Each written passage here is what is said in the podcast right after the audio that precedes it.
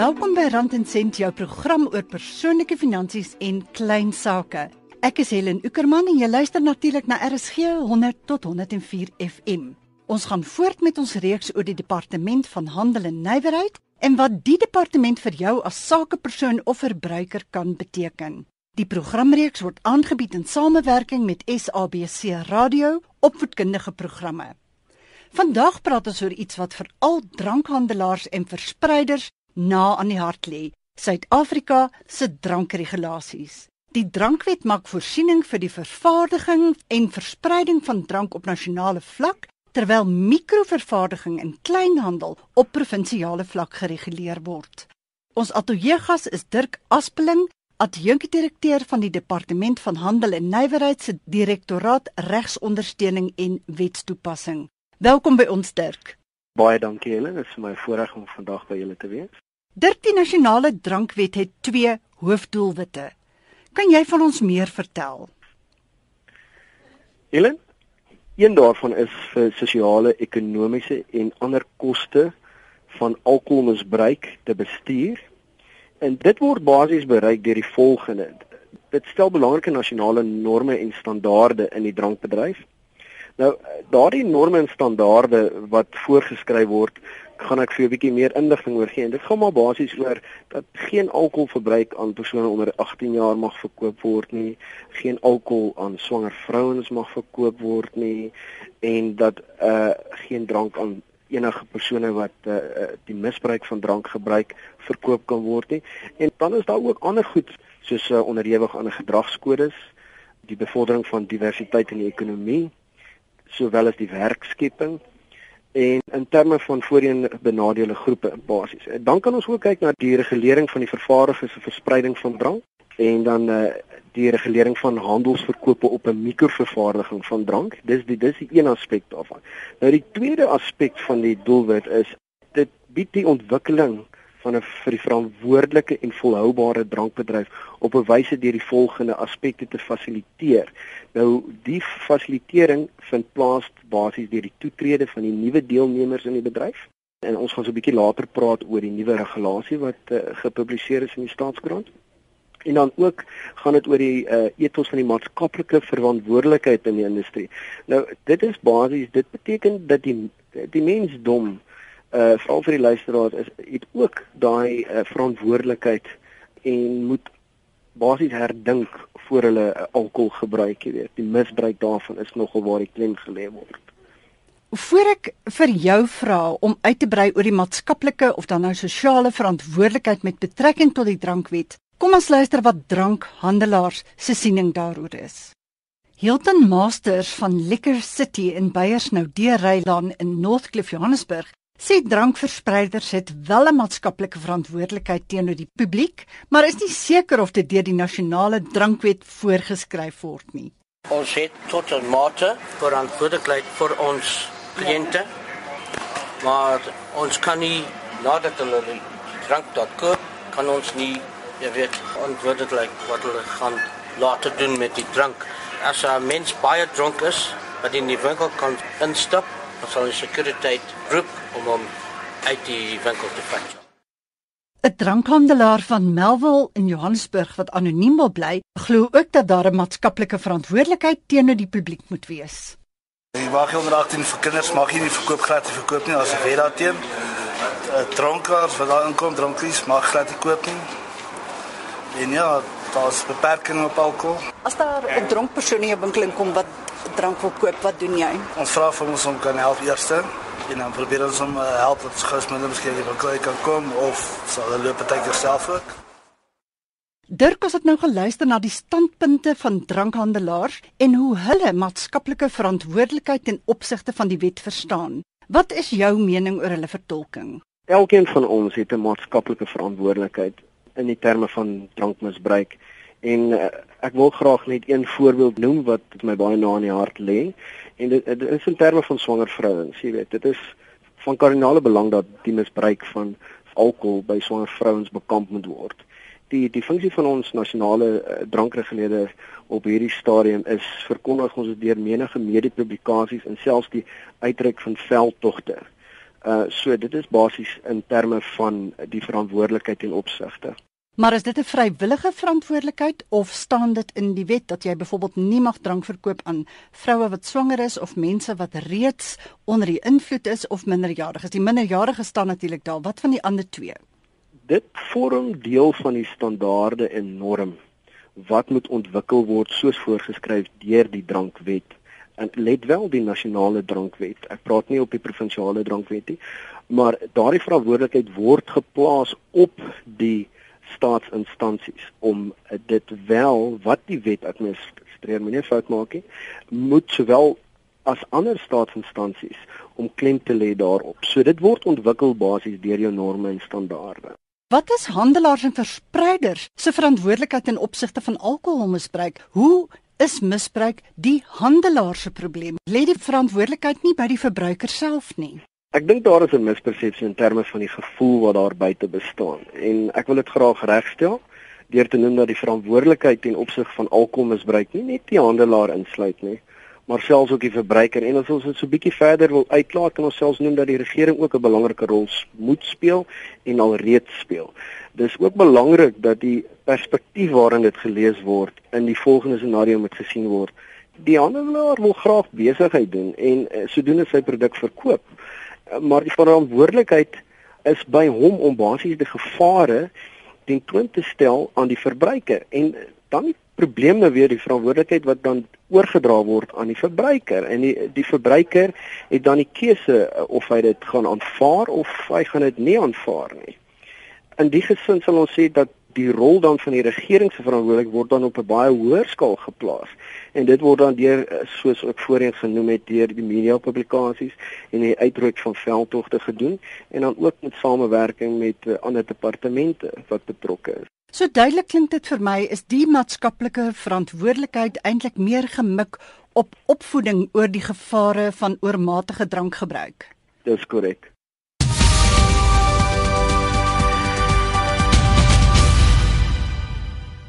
Jy's by Rand en Sent met Helen op RSG 100 tot 104 FM. As jy kommentaar of vrae het oor die nasionale drankwet en sy regulasies, stuur die e-pos aan helen.ueck@gmail.com of 'n SMS na ons ateljee by 3343 en dan kyk ons of ons volgende week kan help. Bly asseblief ingeskakel want aan die einde van die program gee ons al die kontakbesonderhede van die departement van handel en nywerheid vir die wat navraag wil doen.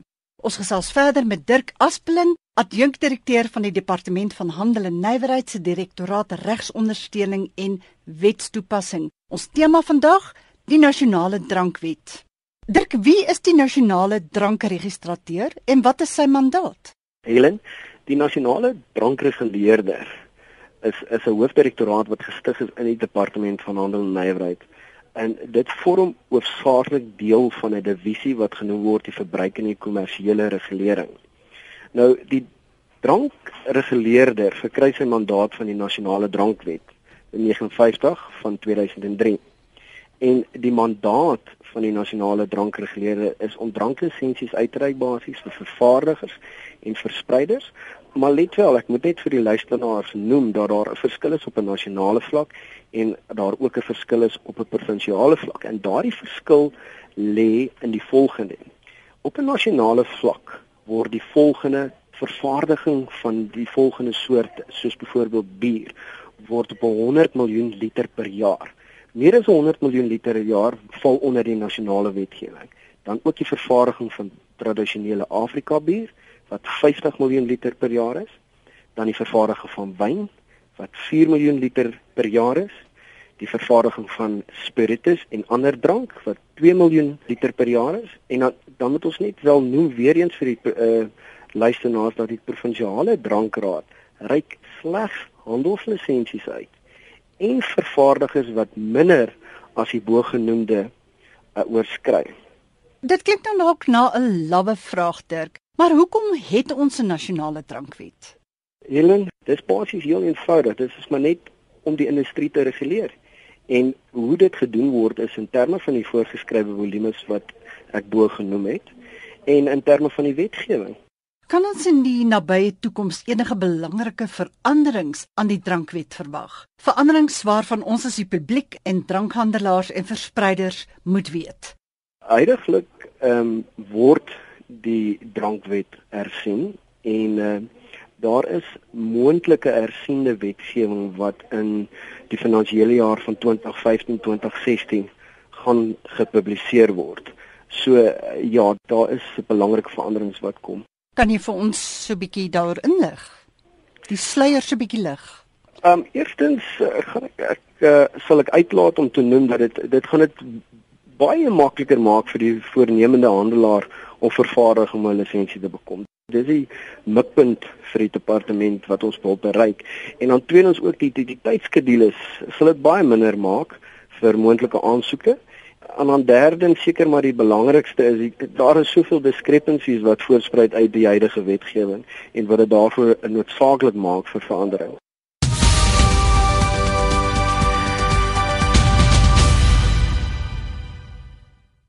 Omdat die huidige reeks in samewerking met die Departement van Handel en Nywerheid oor sake ondernemingshandel, word Helen se geldwenk nou vereers Helen se klein sakewenk.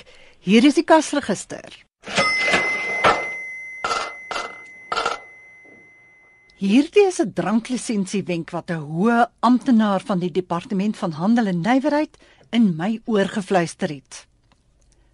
Gaan kyk op die Departement van Handel en Nywerheid se webwerf en gaan bestudeer die lys van vereistes en prosedures. As jy die prosedures presies volg, sal dit 90% van die probleme wat ondervind word met aansoeke om dranklisensies oplos. Maak seker alle dokumente is gereed en moenie dit pos of gaan aflewer nie. Die vinnigste en veiligste manier om jou aansoek in die regte hande te kry is per e-pos. Hou pen en papier gereed want ons gaan later in die program daardie webwerfadres en die e-posadres vir julle gee.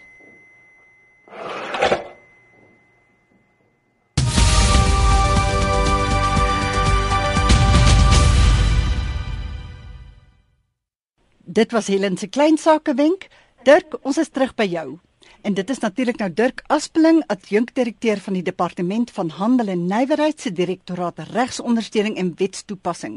Kom ons praat oor drankhandelaars Dirk. Wat is die basiese vereistes vir iemand wat 'n drankhandelaar wil word? Helen, in terme van die nuwe regulasie gaan ek dit deurgee en um, dit uh, is nogal heelwat uh, dokumentasie wat hulle moet indien, maar ek gaan net so klem lê op die belangrikstes en uh, dis maar basies die werkskepping. Hoe gaan dit die werkskepping bevorder? Dan uh, gaan ons kyk na al jou finansiële belange van die applikant en uh, wat die industrie wil betree in Suid-Afrika. Dan uh, gaan ons ook kyk na enige ander vennootskappe of aandele, besonderhede en enige private danigheid wat hy het en wat gaan die applikant doen om sy registrasie enige voorstel hoe hy alkoholmisbruik gaan bekom. Ehm um, soos ek wel genoem het, uh, wat gaan hy doen omtrent die verkoop van drank aan swanger vrouens? Dis net 'n mm. voorbeeld. Dit kan deur enige publikasies plaasvind of enigiets in daai sin. En dan uh, ook uh, sy enige finansiële bydraes wat vir rehabilitasiesentrums gedoen word. En dan dan as ons terugkom na die nodigheid van die dokumentasie, sal ons sien dat daar moet wel 'n lys van sy operasionele sy wees van sy besigheid en dan ook sy kompetisie in die mark en uh, die bewys van betaling wat natuurlik baie belangrik gaan wees. Die applikasievorm wat moet ingevul word, dit is jou NLA1 en dan dan gaan ons die volgende goed verlang soos die belastingvrywaringsvorm, jou besigheidsregistrasiedokument, dit is nou jou CK1 en 2 wat verkry word ook hier by die departement en dan uh, jou SAP klarings, jou soneringssertifikaat wat by die munisipaliteite bekombaar is. En dan uh, die rede daarvoor die soneringssertifikaat is ons probeer dat geen vervaardiging of verspreiding in 'n residensiële area mag plaasvind. Dis so daarom volgens het ons 'n soneringssertifikaat nodig. En as ek dan ook net kan noem ons soos ons almal ken ons BE sertifikaat. En dan wat ook nogal belangrik is is dat as daardie dokumentasie nie dadelik ingehandig word nie en sekere word benodig, gaan ons nie die applikasie nie aanvaar nie. Ons sal hom wel aanvaar, maar let wel dat daar binne 'n 7 dae periode daardie dokumente moet ingehandig word. Dirk, dit is 'n verskriklike lang lys, maar jy sê dit is alles op julle webwerf. Alles is beskikbaar op ons webtuiste. Is daar 'n spesifieke plek waar mens moet kyk as jy nou daar op julle tuisblad kom? Ja, daar is onder die nasionale liquor authority, so die National Liquor Authority basies en dan kan ek ook eh, die e-pos noem daarvan is die National Liquor Authority at the dti.gov.za en al daardie dokumentasie en besonderhede sal beskikbaar wees daar as sowel ook die proses om te volg. Nou goed, ons gaan dit later in die program herhaal vir die wat nou nie kom byhou of so vinnig kon skryf nie. Ek wil gou-gou terugkom na die wetgewing. Iemand vra my nou-nou, gaan Gauteng se drankwinkels ook op Sondag gesluit word of gaan hulle oop bly? Lyk my daar's 'n paar mense wat bekommerd is oor hulle partytjies. Ehm Ellen, ek sal my graag wil uitlaat op die provinsiale wetgewing, maar ehm um, my mandaat is heidig net op die nasionale wetgewing. Heidiglik is daar veranderings wat gaan plaasvind en uh, glo my die die handelaars en selfs die verspreiders sal uh, ingelig word. Ons het die regulasies wat uh, praat op die uh, handelstye en dit is op hierdie oomblik op 'n monitoring wat op het geplaas tot Januarie maand en dan sal ons uitsluitsel daarop hê. So dis al wat ek op die stadium kan doen. As ek 'n drankhandelaar of verspreider wil word, het ek 'n lisensie nodig. Daar's verskillende soorte. Kan jy bietjie uitbrei? Ongelukkig het uh, ons 'n lisensie nodig om enigins uh, in drank te kan handel dryf en of dit nou handel dryf of verspreiding daarvan of die vervaardiging daarvan. Nou op 'n nasionale vlak het jy drie tipe lisensies wat betrokke is. Jy het jou vervaardiger lisensie wat uitgereik word aan jou ons noem dit 'n NLA9. Dan het jy ook 'n verspreider lisensie wat uitgereik word. Dit word ook op 'n NLA9, selfs ook op 'n NLA8. Nou NLA8 is waar kondisies voortgesprei word hoe daai kondisies moet voldoen word. En dan kry jy dan beide dat eh, soos vervaardigers wat 'n vervaardiging lisensie het en 'n verspreiderslisensie. So dis die drie tipes wat jy kry. Nou goed, om bietjie prakties te raak, né? Nee? Waar doen 'n mens aansoek om so 'n dranklisensie? Heel maklik, volg die prosedure wat hy dink gesit het op die webtuiste. Weer eens na die webtuiste. Maar wat jy nie vir ons gesê het nie, is wat kos dit om aansoek te doen? Helen, in terme van die nuwe regulasies word dit uiteengesit en uh, dit alles behels op die handelaar se jaarlikse omset. Nou dan word daar 'n bedrag bepaal en dit word in die regulasies wel uiteengesit, maar ek gaan net so vinnig noem dat uh, die applikasie fooi ehm um, nou vir 'n nuwe persoon wat die mark betree, gaan nou natuurlik want hy gaan ons nou nie daardie jaarlikse omset of hy finansiële state wel hê nie, maar dit dan gaan dit hom R500 kos en dit gaan hom ook R2000 kos vir die registrasie uh dokument, jy weet. So ons noem dit nou maar basies die R500 vir die applikasie fooi en dan R2000 vir die registrasie fooi. En hoe lank is so 'n lisensie geldig? 'n uh, Dranklisensie is geldig vir 'n jaar, maar moet in ag geneem word dat hy moet elke jaar gehernu word dat hy glad nie ongeldig verklaar word nie. Nou daai 30 dae voor die tyd van sy verjaarsdag moet hy hernu word. Nou daardie vereistes word in die NLA 8 uiteengesit. So hy is basies geldig die dranklisensie vir 'n jaar met die voorwaarde dat hy elke jaar moet hernu word 30 dae voor sy verjaarsdag van die datum wat hy uitgereik is. So dit vat minder as 'n maand om hom goedgekeur te kry. In die hernuwing. Ja, ja, basies.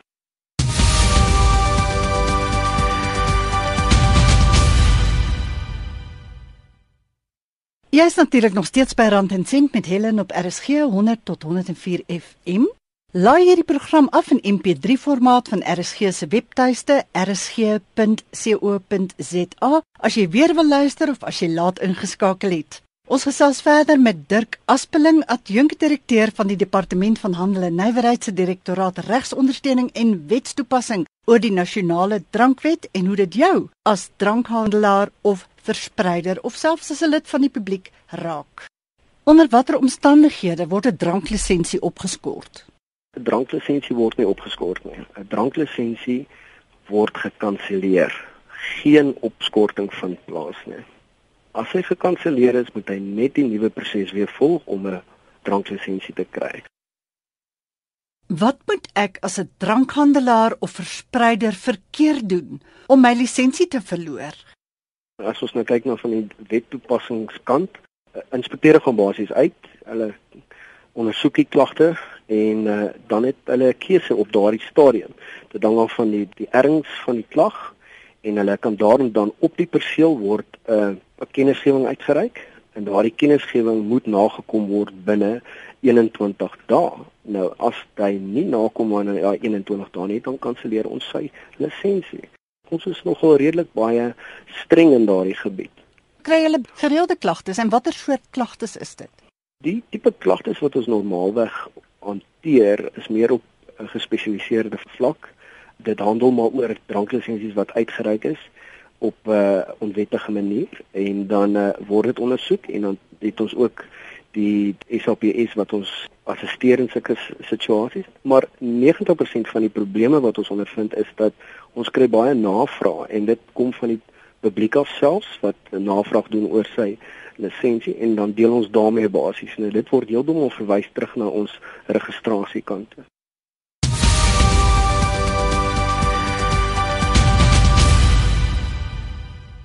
Eddie Barcelos, 'n restauranteur van Johannesburg, moes sy restaurant se deure sluit nadat 'n moratorium op die uitreik van dranklisensies 2 jaar gelede uiteindelik 9 maande lank voortgeduur het, pleks van 3 maande.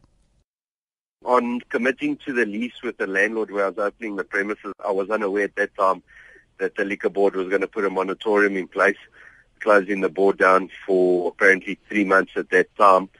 due to backlogging and not being able to process and trying to clean up the system. I committed to the lease a month and a half later. The moratorium was put in place and what turned out from three months ended up being nine months later. By the time we could apply, I basically got the license a year later and it was nails in the coffin. At that time, uh, you know, you go speak to the landlord and you try and negotiate the fact that you don't serve liquor, which is a massive contributing factor to that industry people won't come eat at your restaurant if they can't be served liquor. So we try to compromise at that time and send our waiters out to stores to purchase for the customers, but that didn't help. And uh, a year and a half after that, I closed my business down. The damage was done. You know, people were afraid with the fact that we didn't have liquor, even though we had liquor. Now the you couldn't recover from the damage. The, the hole was just too deep. Ons is terug by jou Dirk. Uh dis Dirk Aspling van die Departement van Handel en Nywerheid. Dirk dit lyk of Eddie darm regtig aan die kortste end getrek het met die moratorium wat volgens hom amper 3 keer so lank geduur het as wat aanvanklik beplan is. In my tyd as koerantjoernalis het ek nogal gereeld te doen gekry met klagtes van aansoekers wat meen hulle wag heeltemal te lank vir hulle dranklisensie om goedgekeur te word en hulle ondernemings ly daaronder. Hoe lank duur dit om 'n aansoek te verwerk? Hoekom neem dit so lank dat mense se ondernemings moet toemaak? Helen, dankie vir daardie vraag en ek het word die geleentheid geneem om dit dalk net reg te stel aan die luisteraars en ook aan die toekomstige handelaars wat nog steeds wag vir hulle lisensies. Maar ek moet dit wel ook noem dat meeste van die gevalle is as 'n geval van van dokumente wat onvolledig is. Dis die die rede basies vir die verlenging en dan die tydsones wat ons het om daardie applikasie af te handel word dan belemmer. Nou volgens ons nuwe regulasies moet so 'n applikasie afgehandel word binne 90 dae. En ek kan met toegewydheid sê dat dit basies minder as 30 dae kan neem as al die dokumentasie ingehandig is. Nou die ongemaklikheid daaraan is dat sekere dokumentasie word nie deurgegee nie en dan word daar korrespondensies gestuur. En die korrespondensies word deur die pos gestuur en soos jy uitdruklik weet die die poskantoor staak. Ja, hierdie is nie 'n goeie tyd nie. Dis dis dis een van die van die redes. Dit is vir my 'n belangrike punt, Dirk, jy weet, klein sake eienaars, restaurateurs, uh, drankwinkels. Jy weet, ons wil nie dinge vir hulle moeilik maak nie, nee, ons wil nie sien dat hulle hulle deure moet sluit oor iets soos 'n dranklisensie nie en dalk mense hulle werk nog nog verloor in die proses. Met julle nuwe regulasies gaan hierdie proses nou bietjie spoediger verloop En laastens Dirk, waar kan ons meer uitvind oor die drankwet en sy regulasies? Helen, ek gaan ons kontakbesonderhede deurgee en uh, ek gaan begin by ons e-pos National Liquor Authority @thedti.gov.za. Dit is ons e-posie. Dan op die webtuiste kan jy gaan na www.thedti.gov.za en al die besonderhede sal daar verskyn ook die telefoonnommer wat kan geskakel word. Ek gaan die kontakbesonderhede herhaal. E-pos National Liquor Authority alles een woord by the dti.gov.za en DTI staan dan natuurlik vir die Department of Trade and Industry. Die webwerf by dieselfde www www.thedti.gov.za. Baie dankie vir jou tyd, was lekker om met jou te gesels. Vir plesier. Hierdie uitsending van Rand en Sent is aangebied in samewerking met die Departement van Handel en Nywerheid en SABC Radio opvoedkundige programme. Ons verryk jou gees en jou lewe. Ons ateljeegas Dirk Aspeling adjunkdirekteur van die Departement van Handel en Nywerheid se Direktoraat Regsondersteuning en Wetstoepassing. Onthou volgende Sondag om 0.30 weer in te skakel op Rand en Sent. Ek weet nie van julle nie, maar ek is nou op 'n stewige leerkurwe oor wat die departement alles doen. Lekker ontspan verder vanmiddag. Ek is Helen Ukerman. Ons praat volgende week.